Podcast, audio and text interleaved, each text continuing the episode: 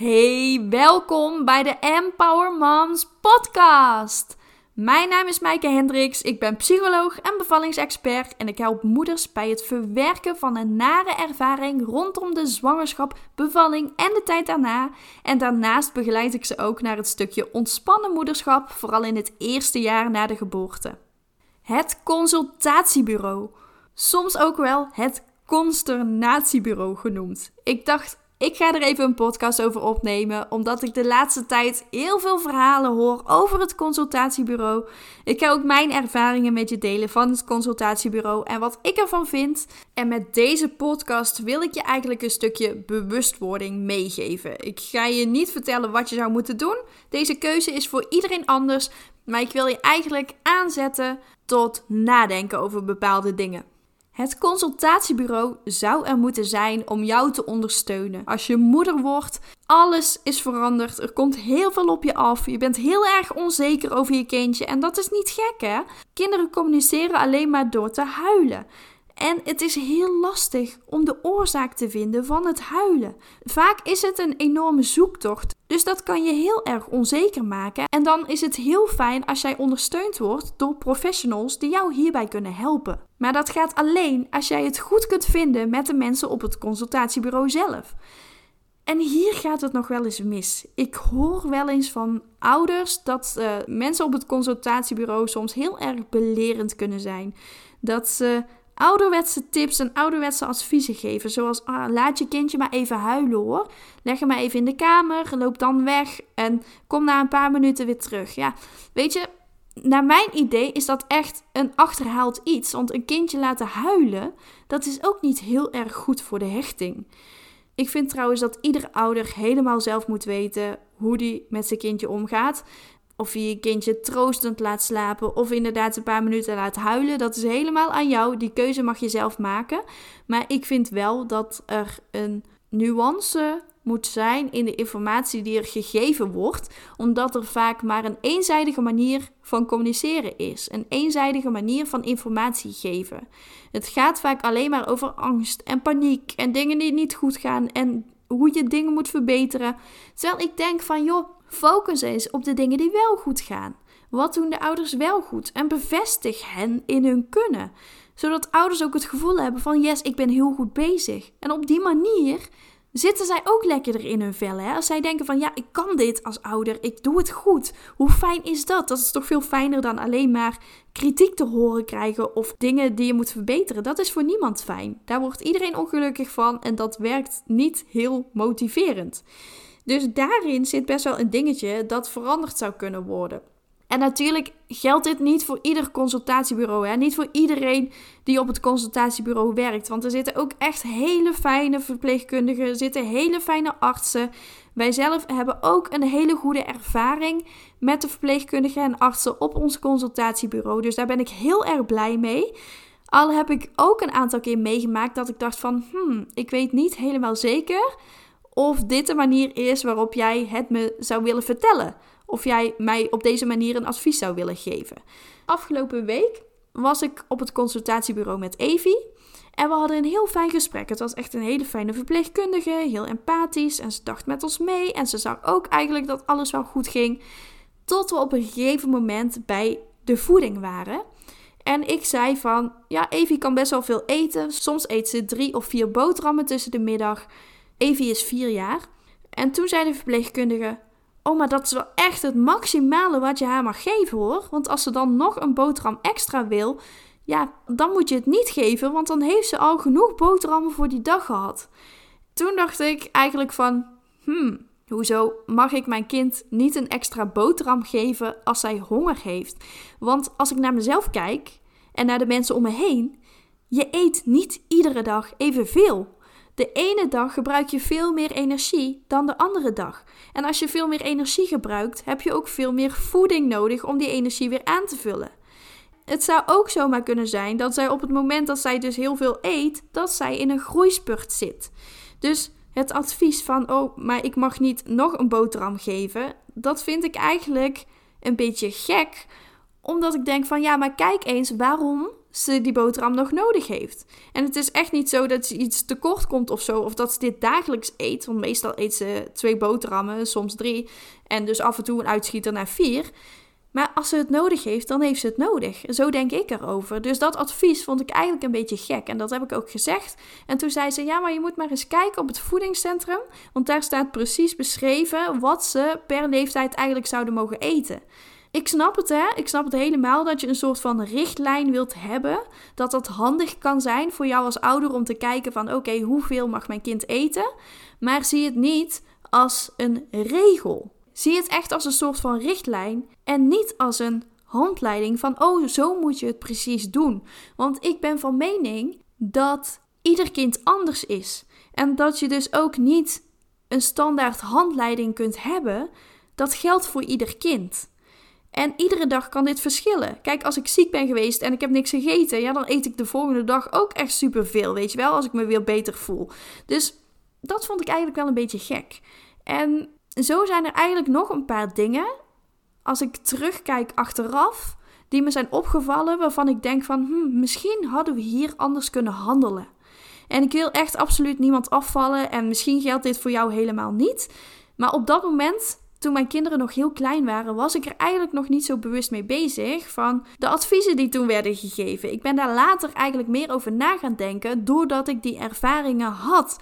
En doordat ik die ervaringen had en waarvan ik toen dacht van, hmm, ja, maar eigenlijk hadden we dit beter anders kunnen aanpakken, ben ik kritischer geworden op de dingen die ze mij vertellen. Ik zal ook even een ander voorbeeld geven. Finn die werd een keer doorgestuurd naar de kinderfysio. Ik weet even niet meer waarom, maar hij was toen nog een baby. Volgens mij was hij nog geen één jaar of, of net wel één jaar. En volgens mij kon hij nog niet kruipen of zo, of, of omrollen. Maar in ieder geval een van die dingen, ik ben het alweer kwijt.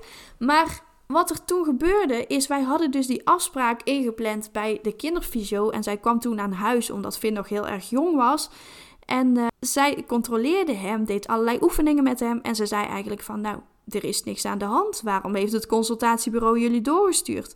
En toen zei ik van, nou, zij vonden dat hij achterliep in zijn ontwikkeling.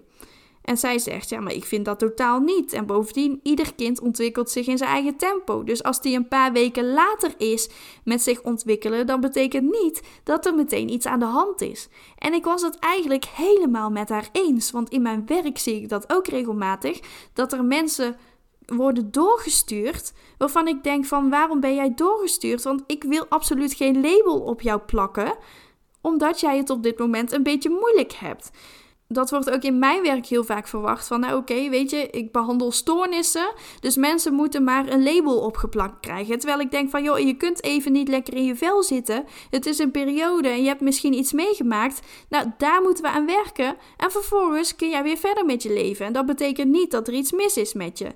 Dus ik vind dat mensen daarin tekort worden gedaan en dat er te erg naar schema's wordt gekeken.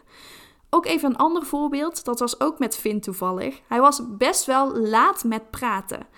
Hij was twee jaar en hij praatte eigenlijk nog steeds niet. En ik had zoiets van, nou prima, dat komt vanzelf. En ik had het idee dat hij alles wel begreep wat ik zei. En hij deed ook alles wat ik zei. Dus er was geen probleem met die informatieverwerking. Alleen hij praatte zelf nog niet. En ik dacht, het komt er vanzelf wel uit. Ieder kind praat op zijn eigen tempo. Ieder kind ontwikkelt zich motorisch op zijn eigen tempo. En dat is helemaal prima. En de mensen in mijn omgeving, die hadden ook al tegen mij gezegd van... joh, weet je, hij is wel erg laat met praten en straks is er iets aan de hand... en misschien heeft hij wel een taalontwikkelingsstoornis. En ik had eigenlijk alleen maar zoiets van, wel nee, hij heeft geen stoornis. Hij ontwikkelt zich gewoon op zijn eigen tempo. Finn is gewoon Finn. Hij is snel bijvoorbeeld met lopen, met dat soort dingen, naar mijn idee. Dus die taal, die ontwikkelt zich later wel. En dat komt dan helemaal goed. Dus ik had daar echt het volledige vertrouwen in dat dat goed zou komen. En toen wij dus op het consultatiebureau kwamen, met twee jaar, toen uh, zeiden ze daar van, ja, maar hij praat nog niet. Dan zal er wel iets aan de hand zijn. Over een paar weken plannen we weer een afspraak in om te kijken of die zich dan wel heeft ontwikkeld. Want als dat niet het geval is, ja, dan moeten we echt actie gaan ondernemen. Nou, op dat moment liet ik het maar even over me heen komen. Maar ik had wel zoiets van, nou, hè, weet je, ik heb er gewoon vertrouwen in dat het goed komt. En het kwam ook goed, want vlak daarna begon hij te praten. En heel snel begon hij korte zinnetjes te zeggen. En hij is nu 2,5 jaar en hij praat al zinnetjes van zeven woorden. En hij zegt ook hele moeilijke woorden, die sommige kinderen van twee echt nog niet kunnen zeggen. Dus er is niks mis met zijn taalontwikkeling. Dus ik heb die vervolgafspraak die wij toen hebben gemaakt, heb ik ook gewoon geannuleerd. Met als reden, joh, er is niks aan de hand. Ik hoef niet op controle te komen. Dus ik ben ook gewoon niet gegaan eigenlijk wil ik je dus ook meegeven in deze podcast van jij bent de moeder van jouw kind en jij bepaalt. Als jij het ergens niet mee eens bent met wat het consultatiebureau zegt of wat het consultatiebureau doet, of je merkt dat ze heel erg aan die schema's hangen, terwijl jij het gevoel hebt van joh, het komt wel goed, je hoeft er niks mee te doen. En net als met die vaccinaties, ook daarin heb je een keuze. En ik ga niet tegen jou zeggen je moet ze wel nemen of je moet ze niet nemen. Ik vind vooral dat er recht is op keuzevrijheid. En ik ben ook vooral van mening dat het belangrijk is om juist de informatie te geven, om mensen volledig te informeren en niet alleen maar te richten op angst en paniek en wat er zou kunnen gebeuren als je ze niet neemt. Want daarin gaat er dus ook vooral veel mis. Ik vind het vooral belangrijk dat iemand zelf de keuze kan maken. Jij hebt altijd de keuze om te beslissen wat jij wilt doen. Wat ik je dus wil meegeven met deze podcast is: voel jij je niet prettig bij degene die jou behandelt op het consultatiebureau? Geef dit dan ook aan. Dat is heel erg belangrijk. Geef het aan bij degene met wie jij in gesprek gaat. Of geef het aan bij de balie dat jij de volgende keer met iemand anders graag een afspraak zou willen maken, omdat jij je niet prettig voelt bij degene met wie jij een afspraak hebt gehad. En dat kun je echt aangeven. En desnoods ga je naar een ander consultatiebureau. Er zijn echt heel veel verschillende mogelijkheden.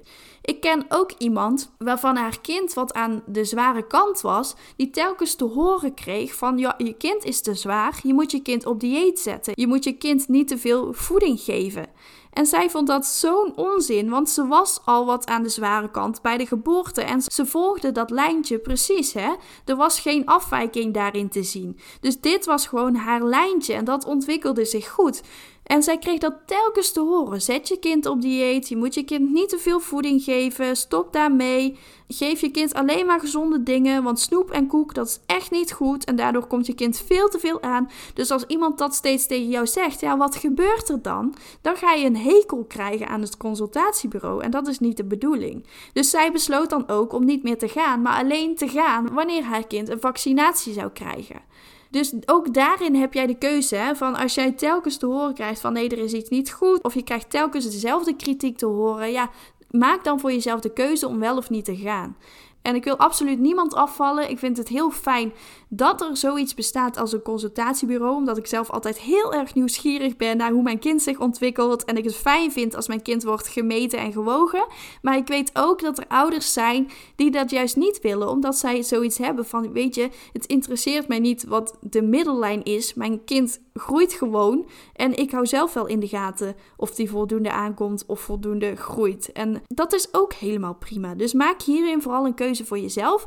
Het is belangrijk dat jij je dus fijn voelt bij de mensen bij wie jij op controle komt.